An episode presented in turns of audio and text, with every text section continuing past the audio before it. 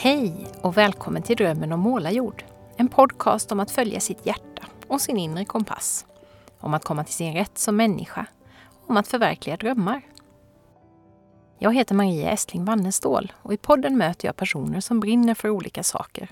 Som vågar lyssna inåt och känna efter vad som är viktigt för dem. Jag inspireras av deras berättelser och tankar och det hoppas jag att du också ska göra. Äntligen är det poddags igen efter en lång sommar och höst och det varit nästan alldeles tyst i Drömmen om målarjord eten. Ett enda litet drömkorn har jag fått ur mig sedan juni. Livet har varit så fullt av annat. Av odling och barn och cirklar och kurser och föreläsningar och bokskrivande. Jätteroligt alltihop, men tid och ork har inte riktigt räckt till poddande också. Förrän nu.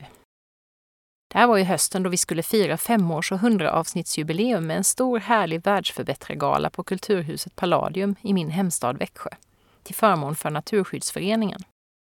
Massor av härlig musik, poesi, brandtal, närodlad mat och livepoddande var planerat till 17 oktober. Men det kom en pandemi emellan. I vintras var jag så taggad på att få ihop de där hundra avsnitten tills dess, men när jag insåg vartåt det barkade gick poddluften lite ur mig. I nuläget känns det inte meningsfullt att boka något nytt datum, men jag hoppas verkligen att vi ska kunna göra ett omtag och få till det så småningom.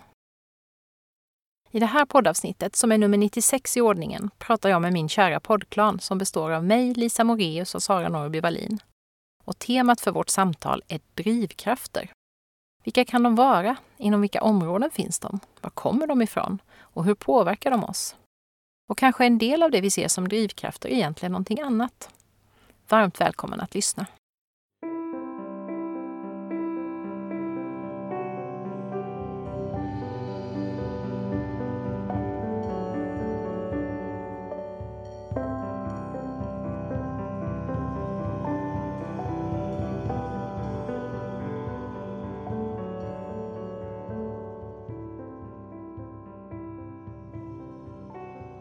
Då så, Välkomna Sara och Lisa till höstterminens första poddklan. Det här känner jag att jag har längtat efter. Jag har längtat efter att podda men det har liksom inte funnits utrymme i livet för det riktigt. Mm. För det har varit en mm. väldigt intensiv start på den här hösten.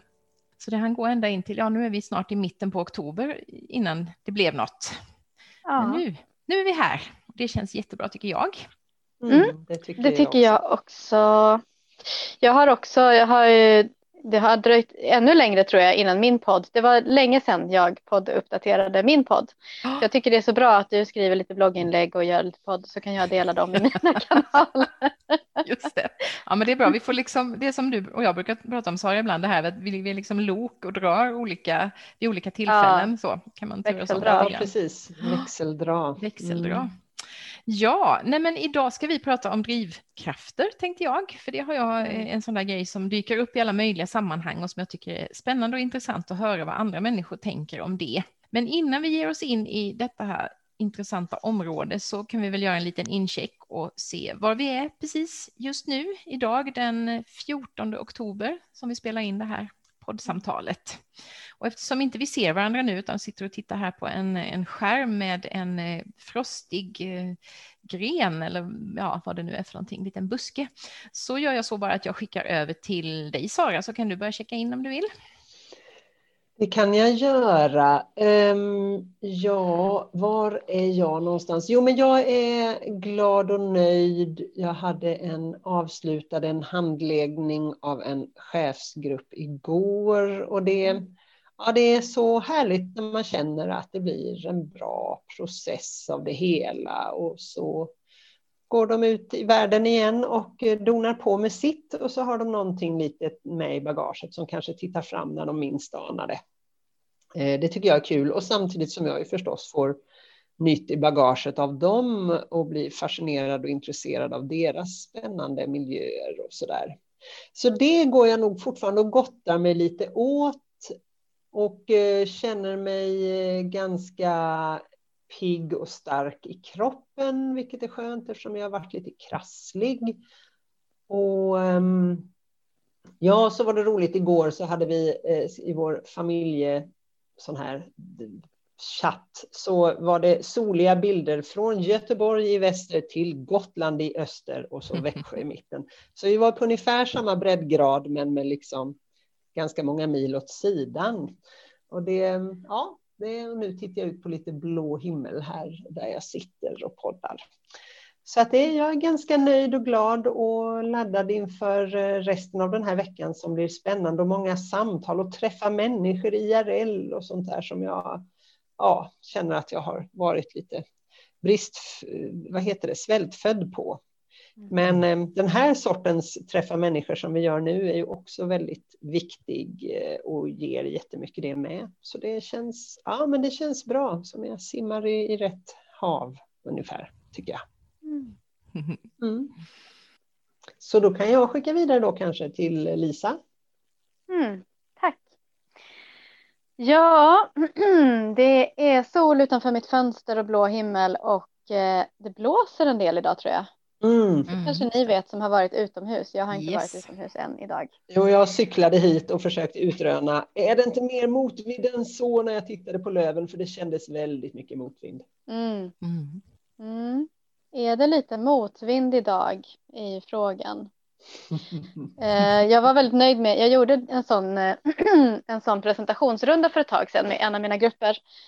Vädret in, eh, det var också för att vi var också på Zoom och på helt olika platser i världen. Så det var väldigt bra att kunna säga vädret utanför och vädret inuti som incheckning. Ja, det, var, det var spännande att höra hur vädret var i olika delar av världen också, förutom vädret inuti såklart. Och jag tror att eh, mm, mm, mm, mm, Jo, men jag mår bra. Eh, jag har ju en höst som handlar om e-kurser helt enkelt, eh, vilket eh, både beror på att det är dags för det. Det har varit dags för det länge i mitt företag. Jag har längtat efter att få göra det, få eh, ta min kunskap och min inte bara, det handlar inte bara om, det är inte bara e-kurser som förmedlar kunskap, utan det är också att skapa ett rum för reflektion och personlig utveckling och så där. Men att göra det digitalt, det har jag längtat efter jättelänge. Mm. Och också pysslat med lite grann på olika håll, men liksom inte så här mycket som jag gör nu. Eh, så att dels har det varit dags för det och sen så kom det en pandemi som gjorde att det var, blev ännu mer dags för det ganska snabbt mm. för att det inte gick att åka runt och föreläsa på samma sätt. Ursäkta, jag sa just det förut att jag är inte riktigt uppsjungen, men det får poddlyssnarna helt enkelt stå ut med. Ja, så att därför så skapar jag e-kurser och det är roligt och spännande och väldigt mycket jobb ju. Eh, särskilt när man gör en, alltså alla e-kurser jag gör just nu är ju för första gången. Eh, så att det är, så allt måste skapas på nytt. Eh, så det är, ja det är väldigt mycket produktion i mitt, i mitt företag och därmed i mitt liv just nu. Eh, samtidigt som jag känner att jag är i massa olika skiften samtidigt i livet på olika områden. Så det händer mycket inuti och utanpå, utanför. Ehm, det matchar nog faktiskt vädret utanför ganska bra. Det vill säga det blåser omkring en massa löv och det händer massa saker, det är ganska mycket rörelse. Mm. Eh, och det är också solsken fast det är också en hel del moln som drar över ganska snabbt och försvinner igen vid horisonten. Eh, och jag eh, försöker hålla någon sorts stabilitet och jag känner den här hösten att det, det, blir så att jag plötsligt så öppnar jag kalendern och så är veckan helt full av saker och så blir jag ganska stressad. Och så betar jag av och så där och sen lugnar det sig och så blir det en lite lugnare vecka. Alltså det går väldigt mycket i vågor just nu. Eh, och jag tror att det bland annat beror på att jag jobbar med lite, delvis nya saker just nu som jag inte riktigt ännu har bedömt hur mycket tid och kraft de tar. Mm. Eh, så då blir det lite svårt att få något jämnt flöde. Liksom. Jag, jag, ja, jag håller på att utforska hur man gör det här, hur jag gör det här på ett sätt som jag också mår bra av. Liksom. Men det är för det mesta väldigt roligt. Och eh, jag har det bra i mitt hem och med min familj. Jag var i Malmö och fick lov att träffa mina syskon och mina föräldrar och det var underbart. Mm. Det är ett behov som jag verkligen, verkligen har och som ju är svårt i pandemin just nu. Men mm. med lite tricks och lite ansvarsfullhet och så, så går det ju att ordna de fickorna av socialt uh, umgänge med de som är viktigast på olika sätt och det har varit, ja, det är helt liv, livgivande liksom så. Mm. Mm. Ja, där någonstans. Mm. Ja, men då tar jag över stafettpinnen och funderade på det. Det var ju en jättebra incheckning, vädret ute och vädret ja, inne, verkligen. när man sitter på Zoom, särskilt på olika platser. Så. Eh, och det du beskrev där med det här som, som händer på utsidan, så är det nog inte riktigt på insidan, men det har varit så väldigt mycket den här hösten, för det har varit en ganska, just det där med, det har hänt väldigt mycket och nya saker och eh, mörka moln ibland och sol ibland. Så det där känner jag igen mig i jättemycket över hur det har varit de första månaderna. Medan det nu då har liksom blivit lite mer lugn och stiltje och snarare en stilla, eh, vad ska man säga, en, står vid en, ett, ett hav och ser det här stilla, stilla kvällssolen som lyser på en spegelblank yta. Nej, så är det inte riktigt, för jag har ju massa saker att göra, men jag har mycket mindre inbokat i kalendern resten av eh, terminen, vilket känns jättebra, för då ska jag äntligen få tid att mm. skriva mycket och sådär. Och podda och blogga och allt det här som jag tycker är så roligt. Eh, och det har varit en höst där jag har haft extremt mycket cirklar och kurser och sånt där, mycket mer än jag brukar ha. Jag har ju några sådana igång sedan flera år tillbaka tidigare, men det har varit väldigt intensivt med det, vilket har gjort att just kalendern har blivit mycket mer inbokad än vad jag är van vid sedan jag hoppade av eh, universitetet och jag liksom hade massa scheman att förhålla mig till och så där. Jag har ju styrt så himla mycket över det här själv. Och det har jag till viss del kunnat göra även här eh, nu, men det har varit liksom, ja, det har varit ofta två, tre kvällspass i veckan till exempel. Eh, och då har jag suttit på det nya kontoret som eh, jag sitter på nu eh, för att få bra eh, uppkoppling eftersom jag har haft så mycket grejer på Zoom och så där. Men det har gjort också att jag har varit hemifrån jättemycket på kvällstid och det trivs inte jag så där jättemycket med. Jag tycker har insett det med åren att jag tycker väldigt mycket om att vara hemma på kvällarna och inte ha en massa eh, grejer. Och framförallt så blir det väldigt långa dagar när man då åker hemifrån kvart över sju och så kanske kommer hem vid nio. Eh, så så det känns jättehärligt att eh, det är lite lugnare och eh, sen har jag också, det bloggade jag om igår, det här med min prestationsångest som plötsligt dök upp här igen. Den gör det då och då, med, visar sitt fula tryne som du beskrev Lisa i ett eh, Facebook-inlägg igår. Uh, och det har jag brottats med en del den här hösten, för jag har gjort en del saker som jag inte riktigt har känt mig bekväm med. Mycket som har handlat om det digitala, där jag visserligen är ganska van, men ändå har känt liksom att jag har ja, stått inför nya utmaningar och så som jag inte riktigt har stått stadigt i kan man väl säga. Det är nog det som har triggat den här prestationsångesten. Eh, där jag till exempel känner att jag är, mycket tryggare när jag står på en scen. Jag är inte alls rädd för att stå på en scen och prata för hundratals personer.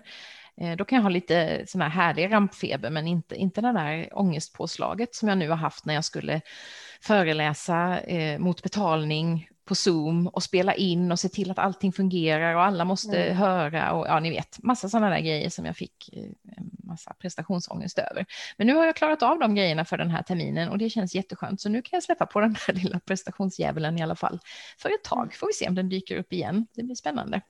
Det är också väldigt intressant när man eh, när sådana här saker händer där man tycker att man har någonting som man har liksom jobbat så mycket med och kommit eh, på något vis till rätta med och så plötsligt så dyker det upp igen i nya sammanhang.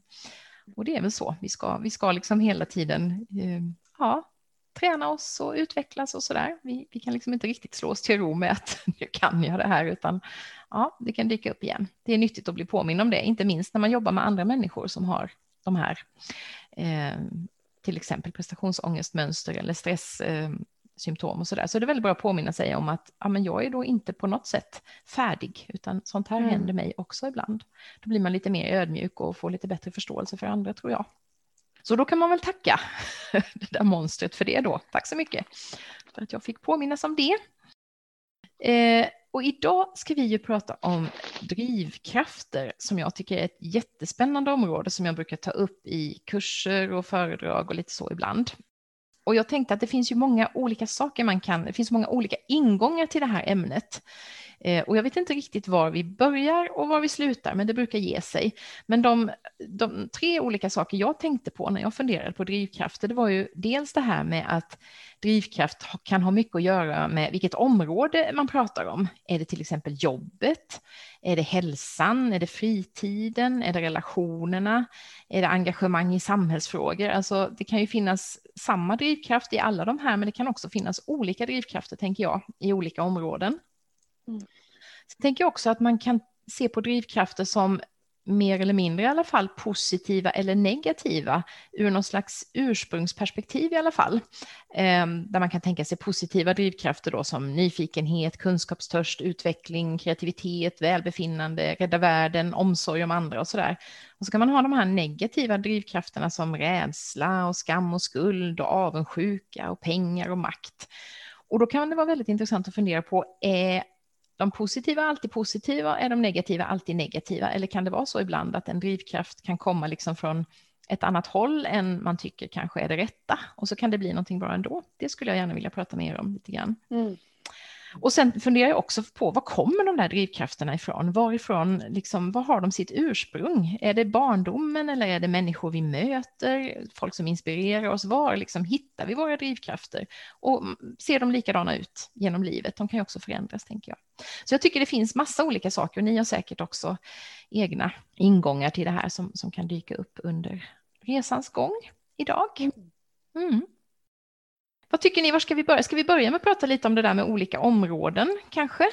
Kan det vara en, ett sätt att komma in i ämnet? det kan vi någon... absolut göra. Jag tänker, eh, det jag har tänkt på mycket är ju också att, eh, alltså jag ger ju just nu en kurs i ledarskap eh, digitalt, mm. för framförallt för ideellt, eller det är, den är en kurs i ideellt ledarskap. Och de som går kursen är då ideella ledare just i år så råkar alla faktiskt vara från studentorganisationer. Mm. Eh, vanligtvis när jag ger den här kursen, som då brukar vara live, eh, jag ger den på uppdrag av Folkuniversitetet för, för ledare, eh, då brukar det vara från väldigt många olika. Det kan vara liksom allt från körledare till, eh, ja, vad ska vi ta, ja, men teaterförening eller eh, ja, massa olika ideella sammanhang. Mm. Eh, men just nu är det mest student bara studentorganisationer. Men i alla fall, just den här veckan i kursen, den är sex veckor lång. Jag har gjort om den från en eh, livekurs på tre dagar till en eh, sex veckors distanskurs då på online. Och just den här veckan handlar om drivkrafter. Eh, så det var ju väldigt lämpligt ja. liksom, att, att du bjöd in till det här samtalet just nu när jag precis har liksom lagt ut de här filmerna som ja. handlar om drivkrafter och bett eh, så att förhoppningsvis så följer alla eleverna eller deltagarna i den här kursen. Förhoppningsvis så sitter de och tittar på mina filmer just nu och funderar ja. över sina egna och andras drivkrafter och så där. För då har jag också sagt, eller varför det kan vara bra att känna till drivkrafterna och särskilt om man är ledare i en ideell organisation då. Eh, och då har jag tagit upp tre saker. För det första att det kan vara bra att hålla, alltså, förstå sina egna drivkrafter. Alltså vad är det som driver mig i mitt engagemang då är det ju det här fallet. Så det är mm. ett specifikt område i livet. Vad är det som driver mig? Därför att då kan jag hålla min egen låga brinnande. Då kan jag också fundera på, får jag det som jag behöver? Får jag utlopp för mina drivkrafter fortfarande liksom, i mitt engagemang? Och det andra är ju för att liksom, kunna skapa möjlighet för dem du leder. Om du leder för en styrelse eller en teatergrupp eller en kör eller vad det nu är. Att så här, vad är deras drivkrafter, de andra i den här föreningen och kan vi tillsammans skapa utlopp för allas drivkrafter så att alla kan hålla sin låga brinnande. Just det. den tredje anledningen är ju att för att dra till sig fler, vilket man inte alltid vill i ideella sammanhang. Det beror på vilken förening det är. Man, är man en bokcirkel eller en syjunta kanske man är, det är bra som det är. Men är man, de flesta ideella organisationer är ständigt på jakt efter fler mm. Och då kan det också vara lite vettigt att förstå och kunna reflektera över, ja just det, men alla har kanske inte samma drivkraft som jag. Och om jag kan Precis. förstå vilka drivkrafter som är vanliga hos människor som engagerar sig ideellt så kanske jag också, då kanske vi tillsammans kan visa att du kan få det i den här föreningen. Just det. Spännande. Så bara, ja. det, satt i mitt huvud just nu. Ja, det förstår lilla. jag. Ja, men jättespännande. Det, och det är ju, ja, det, det, det är ju något som man, alltså googlar man på drivkrafter så är det något som ofta kommer upp också, det här just förstå dina egna och andras. Eh, så det, det är ju absolut en, en central, central del av det hela. Att utforska det där och, och se vad, vad det leder till då, beroende på mm. vad man hittar där. Jättespännande. Mm. Ja. Har ni några sådär, eh, exempel från era egna liv där ni har liksom upptäckt drivkrafter eller där drivkrafter har förändrats eller någonting sånt? Har du något sånt Sara? Ja, jag tänkte just på när jag cyklade hem igår i medvind, tror jag. I alla fall tänkte jag inte på vinden. Då funderade jag lite på det här samtalet och då märkte jag det att det var verkligen den, det var den personliga ingången som kom till mig framför allt, mer än den professionella. Mm. Eh, och det är Eh, apropå det där med att förstå sina egna drivkrafter då, som Lisa var inne på, så, så, så blev det väldigt tydligt för mig att om vi nu tänker att det, det, ser säkert inte ut så i hjärnan att det finns ett lärcentrum, liksom. Men om det fanns det så verkar den i mitt fall ha extremt nära kopplingar till något slags lustcentrum. Som mm. att liksom själva lärandet i sig är en det är kul. Och det ger verkligen en kick på något sätt. Och det eh, funderar jag lite på. Jag känner det nu med, med mitt liv som företagare att jag kan ibland fundera på, det är väldigt sällan jag tänker att jag borde gjort saker annorlunda sådär, men ibland kan jag fundera på om jag hade förstått hur viktigt det var lite tidigare eller eh, för jag känner nu som företagare att jag har möjlighet, för om man tycker mycket om att lära sig nya saker, då vill man i någon slags tempo ändå ändra, byta roll och så vidare. Och det som är så himla bra, tycker jag, med att vara egen företagare är att det behöver jag inte vara en jobbig en som säger upp mig och stökar och knölar i någon stor organisation som vill ha mig i en viss låda. Utan jag snickrar om min låda själv eh, och, och, det stör ingen annan. Och sen gäller det ju då att hitta de som vill ha det som för tillfället är i min låda, det vill säga det jag är mest intresserad av att utforska för tillfället. Mm. Så, eh, så den, den insikten har kommit successivt. Och, och där är det också, jag tänker på att där handlar det ju lite om vi pratar mycket om drivkrafter och det är lite grann så att man vill ju inte att man ska vara alltför driven av andra, vilka de är och vad de tycker och hur bra de är på olika saker. Men jag tror att det kanske finns ett större mått av jämförelse än vi tror och att den faktiskt kan vara ganska konstruktiv. För att det som, har, det som den kan vara det, det här insikten att ja, men det här med att vara så besatt av att lära sig nytt alla andra är inte det. Och det förklarar, eh, jag menar många är det, men alla andra är inte det. Organisationer är inte riktigt uppbyggda för det. Och just den här känslan av att okej, okay, jag kanske är lite extrem där, vilket min man har försökt förklara för mig ganska länge vid det här laget. Och eh, det är bra att ha med sig det, att jag, i förhållande till andra så sticker jag kanske ut lite åt det hållet. Um, så det tycker, jag, det tycker jag är en intressant aspekt när det gäller egna erfarenheter. Och, och så tänker jag också något som slog mig ganska nyligen, det här med att jag jobbar just med kommunikation. Det tror jag har att göra med att jag på väldigt nära håll har, som så många andra, har sett vid köksbordet, till, i mitt fall då, en pappa och en bror som, jo, de kommunicerade väl sådär, men jag tyckte att eh, de inte lyckades komma till sin rätt i relationen till varandra, medan jag kunde förstå dem var och en väldigt bra. Och att det var otroligt, inte traumatiskt, men frustrerande och irriterande. Att, varför håller ni på så här? Varför lyssnar ni inte på varandra och så? Mm. Och jag kan känna att det eh, den här känslan jag får när jag pratar med de här cheferna jag träffade igår och jag känner att jag ger jag ger dem verktyg för att lättare kunna förstå varandra, sina kollegor, göra sig förstådda. Då känner jag hur det liksom mm, gottar sig i mig, för då är det då är det någon som slipper stå bredvid i den rollen jag stod och titta på två personer som inte förstår varandra. Det är några som kanske når fram till varandra och så där. Och det, den drivkraften, den tror jag har en, ganska tydlig koppling till mina egna erfarenheter. Så det är två delar av det här med personlig, mm. ja, personlig ingång till drivkrafter. Just det.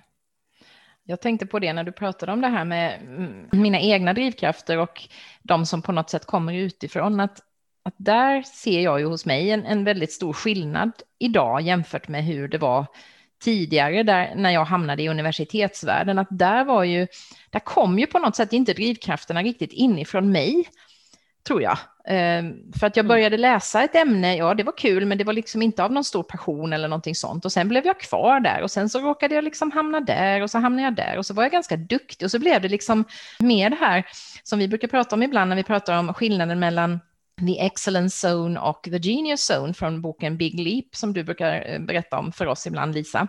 Just det här när när drivkrafterna liksom kom utifrån någon annan då, att det var folk som tyckte att jag var bra på det, var, det jag gjorde och då blev det mm. någon slags ja, men bekräftelse i det som jag sökte, tror jag, utan mm. att egentligen känna igen mig själv och var är jag i detta?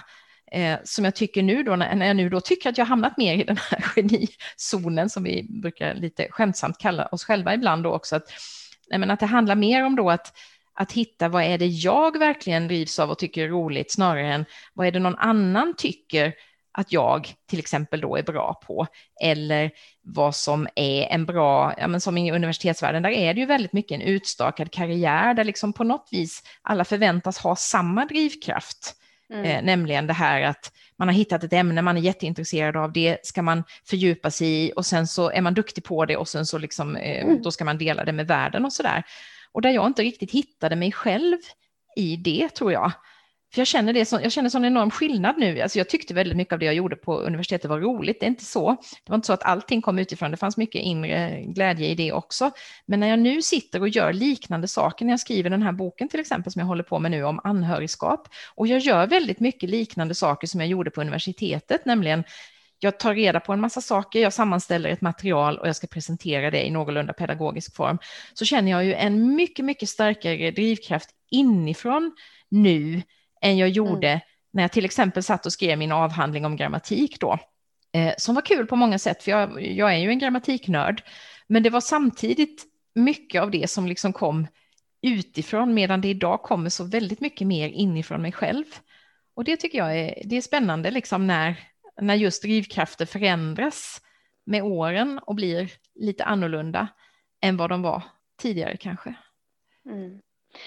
Ja, alltså jag tänker, dels så, så, sitter jag och tänker på det här som du, nu blandar jag här lite, men. Eh, Vi blandar och eh, ger. Nej, men du pratade om det här med, ja, men vi har pratat om inre och yttre. Du pratade tidigare om bra eller dåliga drivkrafter eller rätt eller fel eller sådär. Hmm, hur ska jag förklara det här? Jag tänker så här. För det första så har jag funderat mycket på, eller särskilt nu på morgonen, vad är egentligen en drivkraft? Vad är det för något? Är det någonting som, är det någonting som får, det är någonting som driver oss, det är någonting som får oss att göra saker, att välja att göra saker kanske. Mm. Eh, vad är det då? Är det liksom saker som och då kan det, man kan prata om push and pull, man kan prata om att det är någonting som tvingar mig att göra något, alltså något som driver på mig bakifrån som någon sorts, jag vet inte, piska eller så. Mm. Och sen kan det finnas någonting som jag frivilligt rör mig mot för att jag längtar efter det, för att jag vill, för att jag vet att här mår jag bra eller så där. Så kan man ju tänka lite. Mm. Eh, och sen så, för att jag tycker ju, för det mesta så tror jag inte riktigt på att dela upp i bra och dåligt. Eh, inte för att göra det till en regel, det kan man absolut göra, men, men jag tror snarare att det, jag tror att det är mer verkningsfullt kanske att fundera över vad är det som driver mig och vill jag drivas av det? Just det. Alltså, blir det bra för mig om jag mm. låter mig drivas av den här grejen? Och sen så var det ett begrepp när jag satt och skrev dagbok i, i morse, vilket jag brukar göra på morgnarna, så, så var det en, en modell som dök upp i mitt huvud, nämligen alltså Odysseus var det väl, eh, som stötte på sirenerna. Det vill säga, du är på havet i en båt, du försöker hålla kursen, men det är svårt för att det kommer sirener och sjunger för dig. Och de är så förföriskt vackra att det är väldigt, väldigt svårt att inte börja styra åt det hållet. Mm. Så det började jag tänka på och då är det en sån där, du och jag har pratat lite om det tidigare Maria, om ansvaret. Mm, att ta ansvar för andra och att eh, att, ord, eh, liksom att ordna saker för andra och liksom hela tiden, ja men att vara den där, den som man ibland kallar för den duktiga flickan eller sådär, men det, det där. Och det har jag tänkt på, på på senaste tiden som en siren. Alltså jag kom på det begreppet idag, så att, men tidigare har jag verkligen, jag, har, jag har funderat på att det är någonting som drar mig väldigt mycket, men jag vill mm. inte att det ska det. Jag vill inte lyssna på den rösten, åtminstone Just inte riktigt så mycket som jag har gjort tidigare kanske. Men det är svårt för att det är, och det är verkligen det här, det är så förföriskt. Det är så skönt att vara behövd. Just det. Och den där bekräftelsen också då, det här som händer ja. i the excellence zone, liksom när folk tycker man är bra på någonting och man får ja. massa uppskattning och sådär, trots att det kanske inte är riktigt det man egentligen vill göra. Men det är väldigt svårt Nej. att värja sig mot det. Det är väldigt svårt och det är svårt därför att det är, det är svårt att höra sin egen röst då, mm. tänker jag. Jag känner igen mig jättemycket i det som Sara säger om alltså, nyfikenheten och viljan att utforska och lära mig någonting nytt och skapa nya saker. Det är vikt, väldigt viktiga drivkrafter för mig också. Och så tänker jag, åh, jag skulle kunna skapa det här, åh vad roligt. Mm. Men då är det ofta en liten röst som säger, ja, fast vore det inte lite mer ansvarsfullt att göra klart den här saken här borta först? Eller, ja men du vet ju att de här organisationerna vill ju gärna ha det här av dig, ska du inte sälja det istället? Det är ju mycket tryggare och enklare. Och, ja, och så blir mm. det väldigt lätt så att jag styr kursen, att jag justerar, jag tänker, ja men jag tar den här lilla omvägen om de här grejerna som jag vet är trygga och som ger mig bekräftelse och som, ja så. Och så blir jag olycklig för att jag har inte lyssnat på de drivkrafter som, som liksom på något sätt är jag vet inte, jag höll på att säga nu som är mina egna, men jag vet inte riktigt, det här ansvarsgrejen är ju också min, är mm. inte någon annan direkt. Men, Nej. men den är inte, det är min siren. Mm. liksom. Det är inte den du helst hade valt kanske ändå? Nej, nej, precis. Någon har placerat den där, förmodligen jag själv, men jag är inte helt nöjd med hur mycket plats den tar och hur mycket den styr mig ibland. Nej, jag tänker i det på en extremt, vad ska vi säga, okulturell metafor i förhållande till Odysseus och sirenerna. Men jag ser framför mig det här kontrollbordet med en massa olika rattar på som man kan mm. skruva mm. på. Och det här med att man behöver skruva ner volymen på sirenen ibland och mm. eller på vissa sirener och ibland kanske, ja men för att ta mig igenom det här löppasset som är urtråkigt så skruvar jag väl upp fåfänga-sirenen då de här kilometrarna eller ja, vad det nu är. Ja, um, och, och, att uh, ja, just det där med, med uh, volymen på dem som du var inne på också med den här. Jag menar, jag har svårt att tro att jag tror, även om du försökte tror jag inte du skulle kunna lyckas så bra med att bli en gravt ansvarslös person, Lisa. Och jag tror inte att du vill det heller, utan det handlar ju om på något sätt att, att eh, också balansera det här, vad som är bra för mig under tiden, alltså om vi nu säger ja. under en viss mm. process, i förhållande till efteråt, eh, om vi nu tänker när man har gått i mål med någonting, att den balansen på något sätt och vi har pratat om det ibland, eh, Maria, eh, som att vara när är man snäll och när är man sträng mot sig själv och vad, när är det snällt att vara sträng och, och, och, när är det mindre snällt att vara snäll och ja, mm. hela det liksom den här med eh, verkligen väldigt mycket inre eh, kanske släppa taget och sen ta tyglarna igen och mm. Så och vara mer medveten. Men något som jag funderar mycket på det är just det här förhållningssättet till det som är omkring oss. Att på något sätt så på gott och ont, så de drivkrafter som blir riktigt starka och som är på något sätt hållbara är de som vi integrerar. Och ibland är det inte så himla bra att de är så starka och hållbara som om man har en tendens att ta mer ansvar än, än vad man själv och andra mår bra av till exempel. Men, men det är ju på något sätt, när integreringen är det som den är viktig. Men samtidigt har vi det här med, eh, jag tycker det är spännande med det här med omvärlden, för, för vi, till exempel det här med att komma till sin rätt som känns som en viktig jag vet inte, drivkraft kanske inte rätt ord, men ändå, det, det är ändå, jag, när jag känner att wow, nu fick jag använda så här mycket av mig själv, det gillar mm. jag. Eh, men för att veta om jag har kommit till min rätt så handlar det ju dels om den här känslan av att ja, jag har fått använda både det här och det här och det här på samma ställe. Jag är med i en förening till exempel där jag är både IT-ansvarig och diktläsare på mötena och jag får liksom en kick av det. Att få vara båda de delarna. Mm. Eh, men samtidigt är det så att för, att för att kunna göra bedömningen att jag kommer till min rätt så behöver jag ju också se funkar jag i de här rollerna? Och det kan jag inte bedöma helt själv, utan det måste jag göra i förhållande till omgivningen. Mm. Jag kan känna ibland att vi Eh, många av oss behöver, de flesta kanske, lyfta fram mer vad vi har i oss och vår inre drivkraft och så, men på något sätt ändå erkänna och använda responsen vi får utifrån.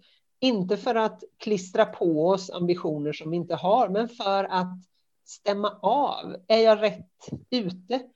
Och det, det finns någonting i det där, och också det här med att det här med prestera har ju fått en väldigt negativ klang. Men när jag funderade över mina drivkrafter igår så tänkte jag, ja, men om jag säger åstadkomma, mm. då känns det plötsligt helt annorlunda i mig. Mm. Men det här åstadkommandet har ju ändå ett mått av bedömning av någon annan. Det, det, är inte jag som kan säga att jag har åstadkommit en bra utbildningsdag i kommunikation på jobbet. Det är ju deltagarna som kan säga det eh, framför allt. Och just hur man kan förhålla sig till det och ta in det som är utanför utan att bli överkörd av det. Mm, det funderar det. jag mycket på. Mm. Där tänkte jag på en helt annan sak, men som också har koppling till det här med inre och yttre. Eh, när jag tänker på eh, hälsa, just det här med att eh, ibland så räcker liksom inte riktigt de inre drivkrafterna till. Eller jag har känt så. Jag har inte riktigt tagit hand om min kropp till exempel de senaste åren, för det har varit väldigt mycket fokus på själslig eh, själs, själavård eller själsligt arbete och så där. Vilket har inneburit att, att jag, har, jag, har liksom, jag har slarvat helt enkelt. Mm. Eh, för mina inre drivkrafter har inte varit så himla starka. Men sen fick jag ju problem med min höft här nu, eh, artros. Och då plötsligt så var det liksom någonting utifrån som krävde en förändring.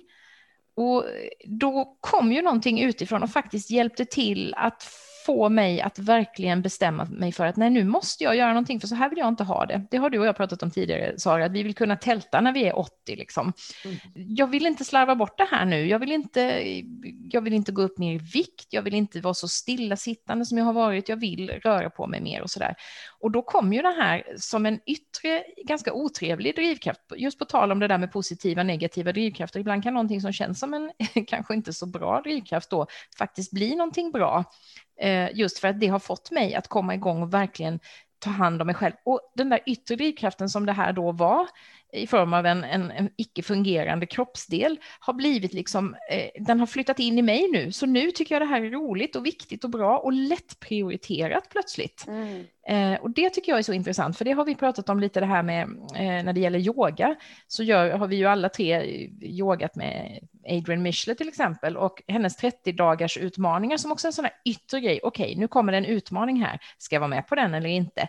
Och så har jag känt att när jag gör det, när jag tar det där klivet och tar, tar, tar hjälp av någon slags yttre drivkraft, så har det fått mig att också hitta motivationen inifrån på något sätt. För att mm. plötsligt blir det mycket mer lättprioriterat.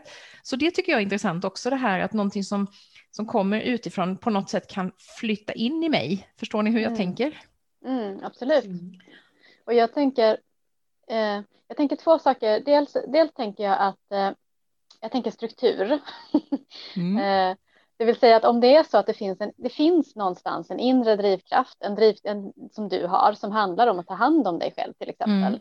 Mm. Eh, och att, att den här eh, målbilden av att må bra och liksom tälta när du är 80 och sådär. Ja. Så att det, de drivkrafterna finns ju. Det gör de ju, precis. Så. Och sen så finns det en massa andra saker, sirener eller vad det nu är, eller liksom snubbeltrådar eller ja, nej men så, saker som gör att det är ändå det är, att det är svårt att prioritera och då kan en yttre struktur mm. göra att det är lättare för mig att använda, komma åt mina egna inre drivkrafter och göra det som är bra för mig kanske. Mm. Mm. Och sen Just tänker jag också en annan sak att förutom drivkrafter så tänker jag också att en del av de här sakerna, de som vi kanske kallar för negativa eller så där, eh, att det kan vara gränsvakter också. Mm. Det vill mm. säga, um, hmm, ja, men jag tänker på känslor, jobbiga känslor som skuld eh, eller dåligt samvete eller rädsla eller eh, avundsjuka. Sådana där mm. saker som vi kanske inte helst vill erkänna att vi har. Att de kan också vara, för mig är de också ofta en påminnelse om att jag inte lever som jag lär och att jag inte att jag inte lyssnar på mina egna drivkrafter och på min egen röst och så där. Att det blir liksom som en, ja, det är nästan som någon sorts elstängsel, osynligt elstängsel eller något som gör att jag aj, aj, aj, ja just det. Vad är det nu som gör att jag har dåligt samvete här? Ja, men det är ju faktiskt om jag tittar på det här på riktigt så är det nog någonting här som jag inte riktigt gör som jag. Jag kan inte riktigt stå för det här. Mm, just det. Så, så att jag tänker att jag är väldigt mycket inne i min ledarskapskurs nu som jag ger, men, men där pratade vi också om det där. Ett av mina viktigaste råd just också för att eh, för att sänka stressen och låta bli att bränna ut folk i den ideella sektorn, det är att skippa det dåliga samvetet pratar vi om. Mm. Eh, och det står jag för. Jag tycker att dåligt samvete är en väldigt, det är framförallt en väldigt dålig ledarskapsstrategi tycker jag. Eh, mm. Det vill säga att försöka ge andra dåligt samvete för att mm. försöka få dem att göra mer av det man vill att de ska göra. Det tycker jag är, ja, det skulle jag helst önska att ledare la undan, dränkte det verktyget i ån och aldrig använder det igen. Eh, men, eh, men det egna dåliga samvetet är också en signal. Det är också någonting som gör att här, ja just det, jag har faktiskt lovat att jag ska göra det här och nu har jag inte gjort det och då har jag dåligt samvete och det är inte liksom. Det är ju inget fel. Det är ju, det är ju liksom, det, det, det är ju en, en, signal, alltså det visar att systemet funkar helt enkelt. Sen är, betyder inte det att man ska tvinga sig själv att göra den där grejen alltid. Utan det kan också vara så här, ja men nu har jag lovat det här och jag har inte gjort det och nu har jag dåligt samvete. Okej, ska jag kanske lova lite mindre? eller, eller är det så att jag ska gå tillbaka till min styrelse och säga den här saken som jag har tagit på mig, den kommer inte bli gjord. Jag kommer inte göra det här. Kan mm. vi fördela arbetet på något annat sätt? Mm, just det. Eh, ja, så någon sorts så här och även skuld är ju en sån där. Det är ju en sorts liksom. Det är ett tecken på att vi har klivit utanför och sen så gäller det att verkligen titta på. Eh, alltså är det min egen skuld? Är det någon annan som har lagt den här skulden på mig? Tycker jag egentligen att jag, alltså det finns massa saker att jobba med där, men jag tänker att det inte alltid, man behöver inte alltid se det som drivkrafter, utan det kan också vara kanske signaler på att man inte lyssnar på sina egna drivkrafter eller mm. någonting. Mm. Och jag tänker på eh, verkligen kring det, eh, det här med, eh, jag hade skrivit upp här, så här rädsla slash skav och sen en pil och sen inom citationstecken, så här kan vi inte ha det. För mm. det är det som händer i min hjärna när, när eh, det, alltså det är ungefär som att man har samlat på sig en massa grus och skrufs och, och sånt. Och, och det bara skaver och är knöligt och så där. Och så rätt som det är så har det på något sätt eh, det har liksom kokat ihop eller vaskats fram någon slags guldkorn i det som blir en sån där helt en sån där ren låga verkligen och som är mm. min, min bästa ilska. Är när jag mm. känner bara så, så här kan vi inte ha det. Ofta ganska lugnt men ändå helt så där orubbligt på något sätt. Sen mm. exakt hur vi ska ha det vet jag sällan och, och, jag behöver börja med att prata med vem som nu är med i det här. Antingen om det är en leverantör av något eller om det är en familjemedlem. Eller så här, då, då, får, då är jag i alla fall helt klar över att nu är det något som måste hända här. Men vägen dit är ju, är ju lite jobbig, eh, men också viktig för att då har jag andra, när jag väl, eh, det är olika, ibland kan man liksom börja rota i det där småskavet och komma vidare, men ibland behöver det liksom få koncentrera sig och mm. förädla mm. sig till den här rena känslan som gör att det här med om jag är rädd eller inte för att ta upp något, det finns liksom inte på kartan längre för att jag, ja, men jag måste ju. Mm. Liksom, mm. Den känslan. Kan, kan den känslan också vara en signal? Kan det vara dig själv du behöver prata med? Eh, det kan det vara ibland. Eh, det kan det, även om det är nog inte så ofta jag känner exakt den känslan då. Men det kan hända. Kanske att jag eh, ofta kanske kommer på, jag processar det lite mer successivt när det gäller mig själv, för jag har lite lägre, det kan ju vara saker som man verkligen inte vill prata med sig själv om, men ofta har jag nog en lägre tröskel för att så att säga ta upp saker med mig själv än jag mm. kan ha med andra. Så som många du låter det inte gå lika långt kanske? Nej, jag tror inte det.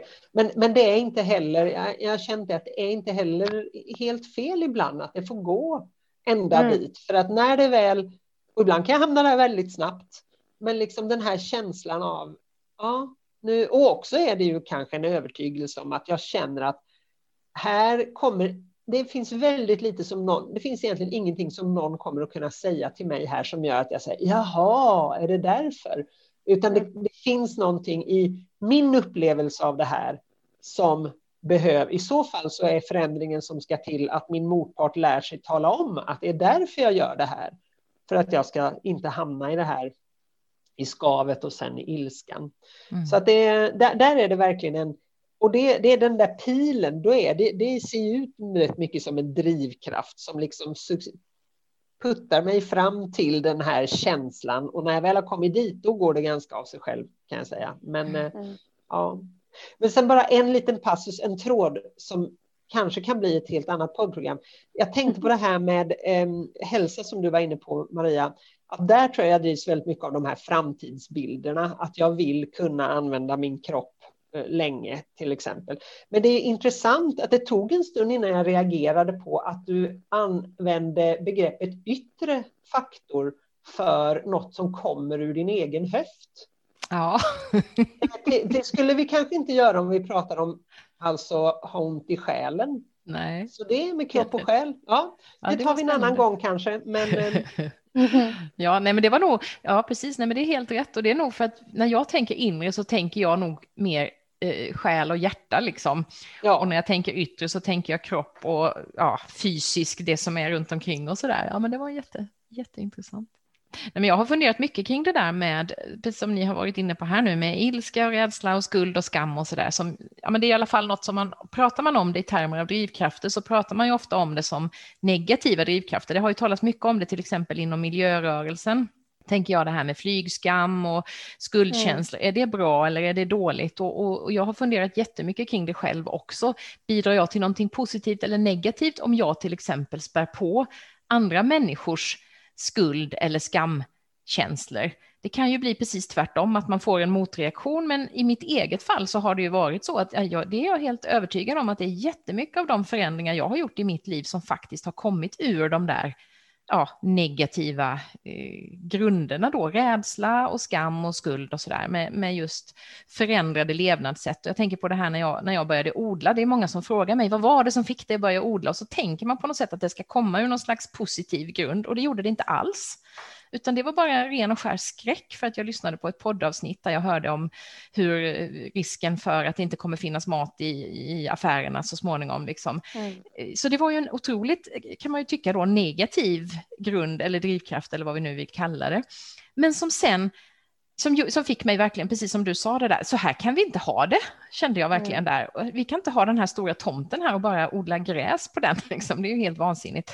Så då fanns det ju verkligen en sån där Eh, Eh, eventuellt då negativ grund, men som sen när jag väl kom igång med det där så, så förvandlades ju det återigen då som lite som med höften liksom till en väldigt positiv drivkraft som nu handlar mycket mer om att jag älskar att vara där. Jag, lust, den här lustfylldheten som du nämnde Sara, den har ju flyttat in i mig nu och är jättestark i förhållande till mitt odlande. Men det var inte så det började och det tycker jag är intressant det här med vad är det som om man ser drivkrafter som någonting som får oss att börja göra någonting eller hålla fast vid någonting eller så, vad, vad är det då? Och där ser jag som mm. stor skillnad, för idag tänker jag nästan aldrig på den rädslan. Jag känner aldrig, mycket mer sällan den rädslan än jag gjorde då i början. Nu är det helt andra drivkrafter som får mig att gå ut och eh, räfsa löv eller eh, hålla på i mina bäddar eller så. Så det, kan ju, det kan ju förändras jättemycket där också. Och då, då, då kan inte jag se det som att det var någonting negativt, utan då ser jag det snarare som att det blev någonting positivt i det, trots att det var vad man då skulle kanske säga en negativ drivkraft för att det handlade om rädsla. Till exempel. Men ja, mm, om man tänker positivt och negativt och så låter bli att koppla det till bra och dåligt. Mm. Alltså jag tänker positivt och negativt i, i helt neutrala termer som om man tänker en magnet. Liksom. Så kan man ha positiv eller negativ, det vill säga den skjuter bort någonting eller den drar till sig någonting. Just det. Ehm, så kanske man skulle kunna tänka för att det, det, det, för att det låter när du pratar så låter det lite som att du har alltså att du har en tanke om att man ska inte drivas av negativa Alltså jag tycker det, det, är ofta det man hör. Man pratar ja. ju mycket om det så i alla fall, till exempel inom miljörörelsen. Mm. Vi ska, inte, vi ska mm. inte skuldbelägga folk, vi ska inte skrämma med massa otäck information. Det är inte rätta sättet. Vi ska inspirera och motivera. Liksom. Visst mm. hör man den diskussionen ganska ofta? Mm. Absolut. Ja, men och jag tänker, två, tänker återigen två saker. Nej, men jag tänker att dels är det ju så att, att man får fundera över, är, möjligen är det så att om vi kallar det för negativa drivkrafter då, och då menar vi alltså saker som där man flyr från någonting snarare än att röra sig mot någonting. Mm, just det. Och då, eh, då kan man ju tänka att det är lite vanskligt att använda de drivkrafterna av två skäl. Dels därför att det kan få en backlash, alltså det kan göra kan få motsatt verkan. Det kan mm. göra att därför att det är jobbigt att känna skuld och skam och sånt, så att därför så, vilket ju är liksom själva meningen med, återigen, det. det. är meningen, det är inte meningen att det ska kännas skönt att ha skuld, liksom, utan det är meningen, det är en, en sorts inre, ja men grindvakt eller någon som mm. säger hallå, hallå, liksom det här. Eh, och då tänker jag att risken med det är ju att vi istället för att göra något åt det stoppar huvudet i sanden för att det är så jobbigt. Så det, det, det, kan man ju fundera på. Mm. Det gäller att vi inte skrämmer folk så mycket att de slutar lyssna på oss. Precis. Då, då, har vi inte, då har vi ingen drivkraft alls kvar. Nej, det är det ena. Det andra, eh, det andra är att eh, möjligen kan det vara så, för i alla fall för mig är det definitivt så, kanske för många, att negativa drivkrafter inte är lika hållbara. Alltså de kan få mig att ta första steget. Men sen kanske det behöver komma in någonting annat mm. som, är, som drar snarare Precis. än bara pushar. Som det var för mig med odlingen då, för det, ja, den där exakt. rädslan finns ju inte kvar där längre, utan nu är det helt andra saker som, som får mig att göra det. Det är inte den som driver dig nu, och inte hade det varit den så kanske du inte hade orkat. Nej, precis så tror jag det Nej, och det finns ju en aspekt i det där med att fly från något. Då ligger ju fokus på att förflytta sig från en punkt. Mm. Då finns det väldigt många andra ställen där man kan ta vägen. Och nackdelen är då att har man det fokuset så är det inte säkert att det blir så himla bra dit man kommer heller. Mm. Eh, det, så att det, Just det. Ibland är det kanske som bäst om man inser att okej, okay, här kan jag inte vara. Och sen har möjligheten, tiden, orken eller vad det nu är att fundera på, okej, okay, men vart ska jag då? Mm. För annars är det det som händer är förstås att ja, men då flyr man från det här dåliga stället till ett annat ställe och sen upptäcker man nej, det var inte rätt och så får man leta sig vidare och så. Det kan ju vara lärorikt och bra och så, men det kan ju ta, ta mycket, väldigt mycket kraft och energi och det gäller ju då att man orkar göra det många gånger. Så, att, mm. Mm. så på det viset är det här med, eh, om vi säger de här med liksom, eh, piskan, drivkrafterna, blir ju inte så precisa. Det, blir, det spretar åt alla håll och då kommer vi ju, kan vi ju faktiskt in i den metaforen plocka in det där med någon slags kompass som vi mm. ofta kommer till. Eh, att ha en tanke om, om en vart vill jag då? Det gör det ju, det underlättar ju på många sätt. Mm. Precis. Och jag tror du är något jätteviktigt på spåren där. Alltså verkligen att de här mm. push-faktorerna, de negativa drivkrafterna, eh, de ger ingen riktning. Nej. Det är bara bort. Och, det, och då kan det ju vara, beroende på hur illa det är där man är, eh, så kan det ibland kan det ju verkligen, så här, det finns ingen tid, jag måste bara bort härifrån och sen får jag ta mm. nästa steg sen. Liksom. Eh, så kan det vara om man mm. flyr från krig eller från en destruktiv relation eller vad det nu är. Liksom. Mm. Eh, då är det så här, steg ett bort.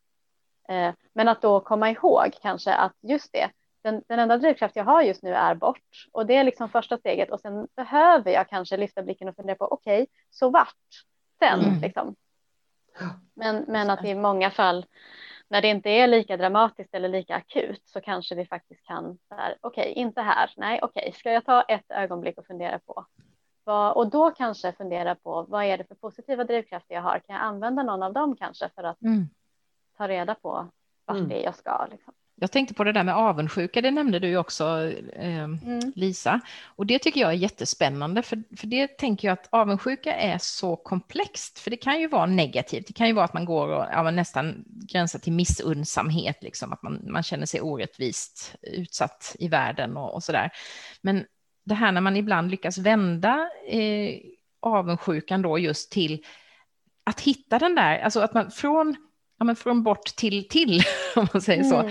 Mm. Eh, inte att avundsjukan då bara talar om vad, vad, som är fel med det jag själv har, utan också att det kan hjälpa mig att bli den där magneten. Eh, en av mina mm. inspirationskällor, eh, Anna Lovin, hon brukar ju prata om det då, för hon gillar ju inte alls det här push tänket liksom när man, när man ska någonstans, att man blir, blir liksom tryckt någonstans, utan snarare att man hittar en magnet som drar en i rätt mm. riktning. Och där tänker jag att den där avundsjukan, om den inte är för stark och stannar för länge eller så, och liksom verkligen genomsyrar en för kraftigt, så kanske den kan bidra till att se, ja men så här, ibland kan man ju behöva, ibland är det ju svårt också med vart man vill, alltså även mm. riktningen kan ju vara jättesvår, men ibland kan man ju se lite grann på vad någon annan gör eller hur någon annan har det och alltså liksom fånga upp den där inspirationen i det istället för att bara fastna i jämförelsen, orättvisan, bitterheten över det jag själv inte har då. Eh, så det har jag funderat på en del. Kan man använda den som en, kan man använda avundsjuka som en drivkraft, men liksom suga åt sig det götta i det istället för att fastna mm. i den Alltså hela, hela begreppet kan ha en komplex eh, uppbyggnad på något sätt. Förstår ni hur jag mm. tänker? Mm. Ja, absolut. Ja. Och, och jag tänkte på en sak här nu som man knyter kanske egentligen mer till det vi sa nyss. Det här med att vi inte heller hamnar i det här att vi, bara för att det inte brinner där vi är och vi inte vet vart vi ska, att vi inte hamnar i att vi måste ha tänkt färdigt. Utan det, det kan ju vara väldigt, om vi tänker nu din, din rädsla för det här med odlandet, eller eh, alltså för att, ja, inte för själva odlandet. Nej, precis. För att inte odla. Matbristen. Men då, då, då är det ju, eh, det första du gjorde var ju inte att beställa det där stora eh, tunnelväxthuset, även om det kom ganska snabbt. Men det, det var ju att, ja men okej, jag provar att odla lite då. Mm. Och sen precis. rullar det vidare. Det. Så att eh, också prova att kliva lite åt något okänt håll. Så. Mm. Ja, men det handlar inte precis om avundsjuka, men det kom upp nu. Nej, men det tror, jag, det tror jag det handlar mycket om i många sammanhang när man är i det där just, eh, alltså det kan kännas så stort och ge sig mm. av i en riktning. Så just det där, det har vi pratat om förut också, det här att våga testa och se och, och, och utvärdera och liksom var det det här, var det rätt? Nej, kanske inte, jag kanske behöver justera åt något håll och så där, men att inte vara så rädd för att ta de där små, små stegen. Det behöver inte vara det där gigantiska klivet. Det pratade vi om när vi pratade om att följa sitt hjärta och så där också, att ingen mm. av oss har ju egentligen tagit ett sånt där jättehopp liksom, utan vi har ju byggt saker undan för undan, vi har testat oss fram och så där, att, att det är nog viktigt att. Och få lov att göra det, att inte känna att man måste ha koll på allt och, och att drivkraften är så där tydlig alltid från början utan att den kan få växa fram liksom, undan för undan.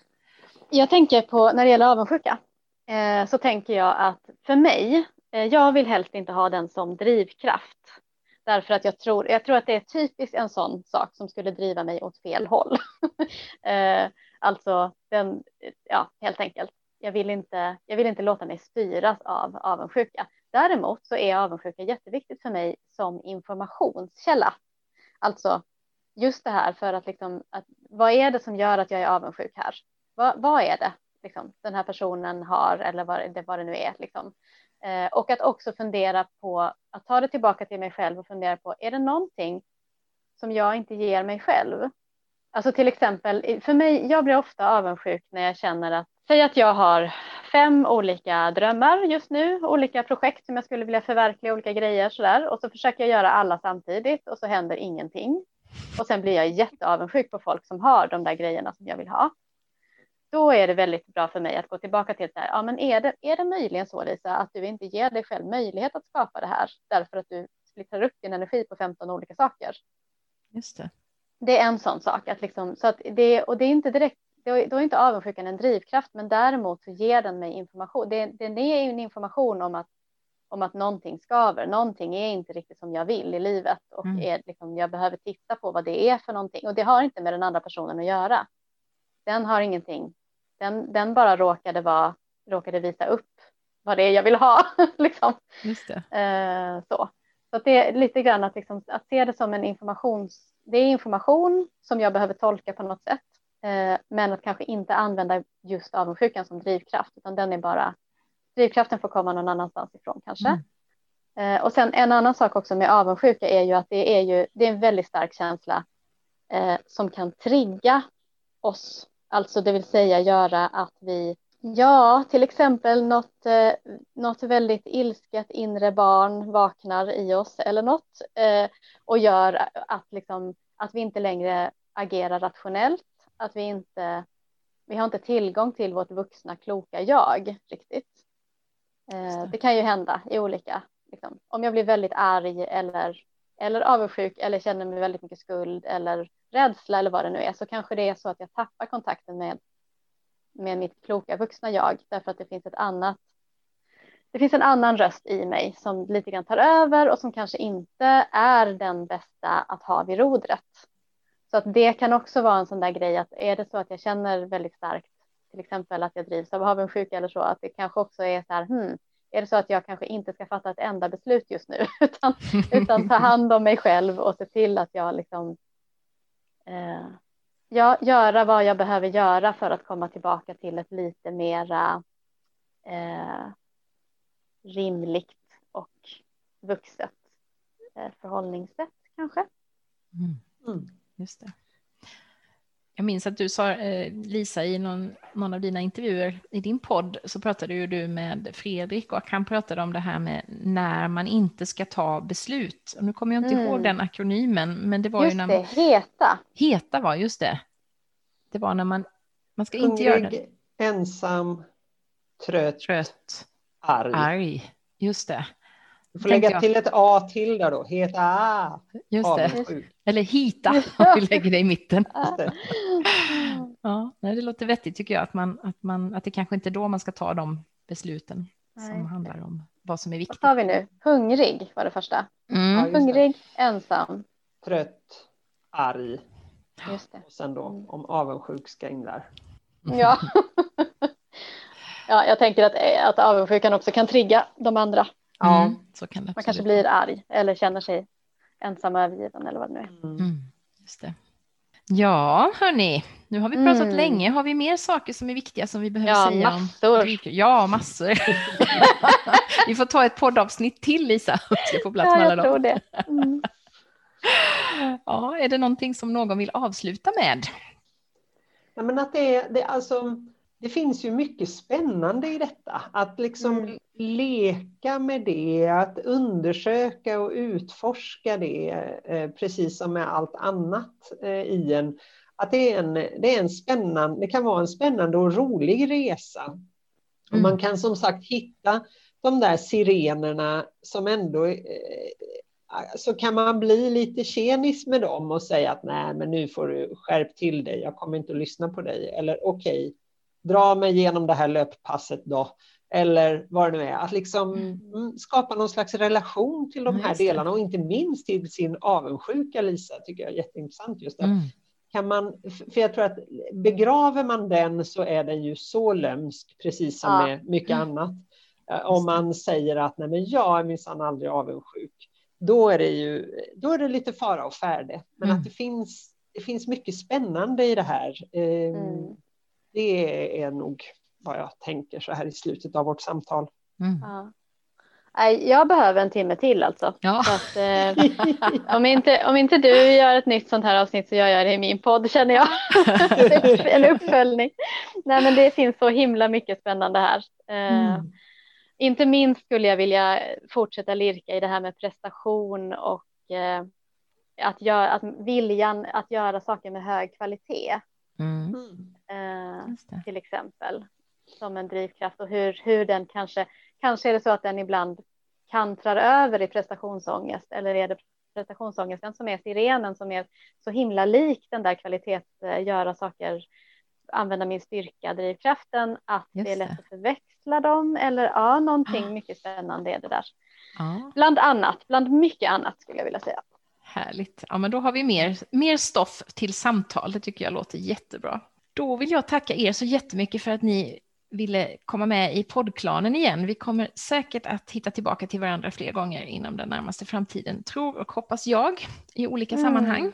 Och vi kan väl skicka med till, till våra lyssnare att eh, ja, eh, kanske fundera lite över sina egna drivkrafter, var de kommer ifrån, om det är de som hjälper en bäst till exempel, eller om man drivs mycket av, av eh, krafter som, som kanske inte gör det bästa för en själv, på tal om det där med att komma till sin rätt och sådär. Det tycker mm. jag man mm. kan, man kan ha mycket spännande stunder att reflektera över. Mm. Oh. Tack så mycket Maria, det är alltid ja. spännande att få grotta runt lite i sådana här ämnen tycker jag. Mm. Tack och på Tack återhörande snart. Ja, mm. hej. Hej.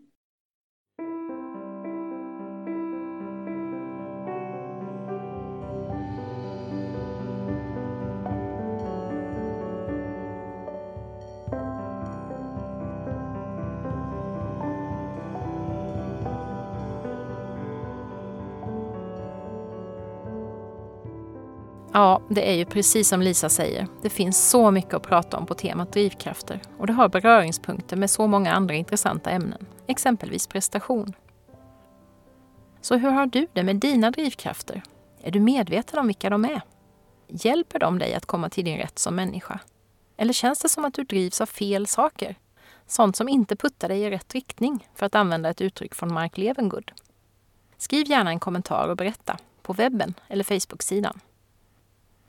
Nu ska jag återgå till mitt skrivande av den bok jag just nu är passionerat förälskad i, Anhörig i ett hav av känslor.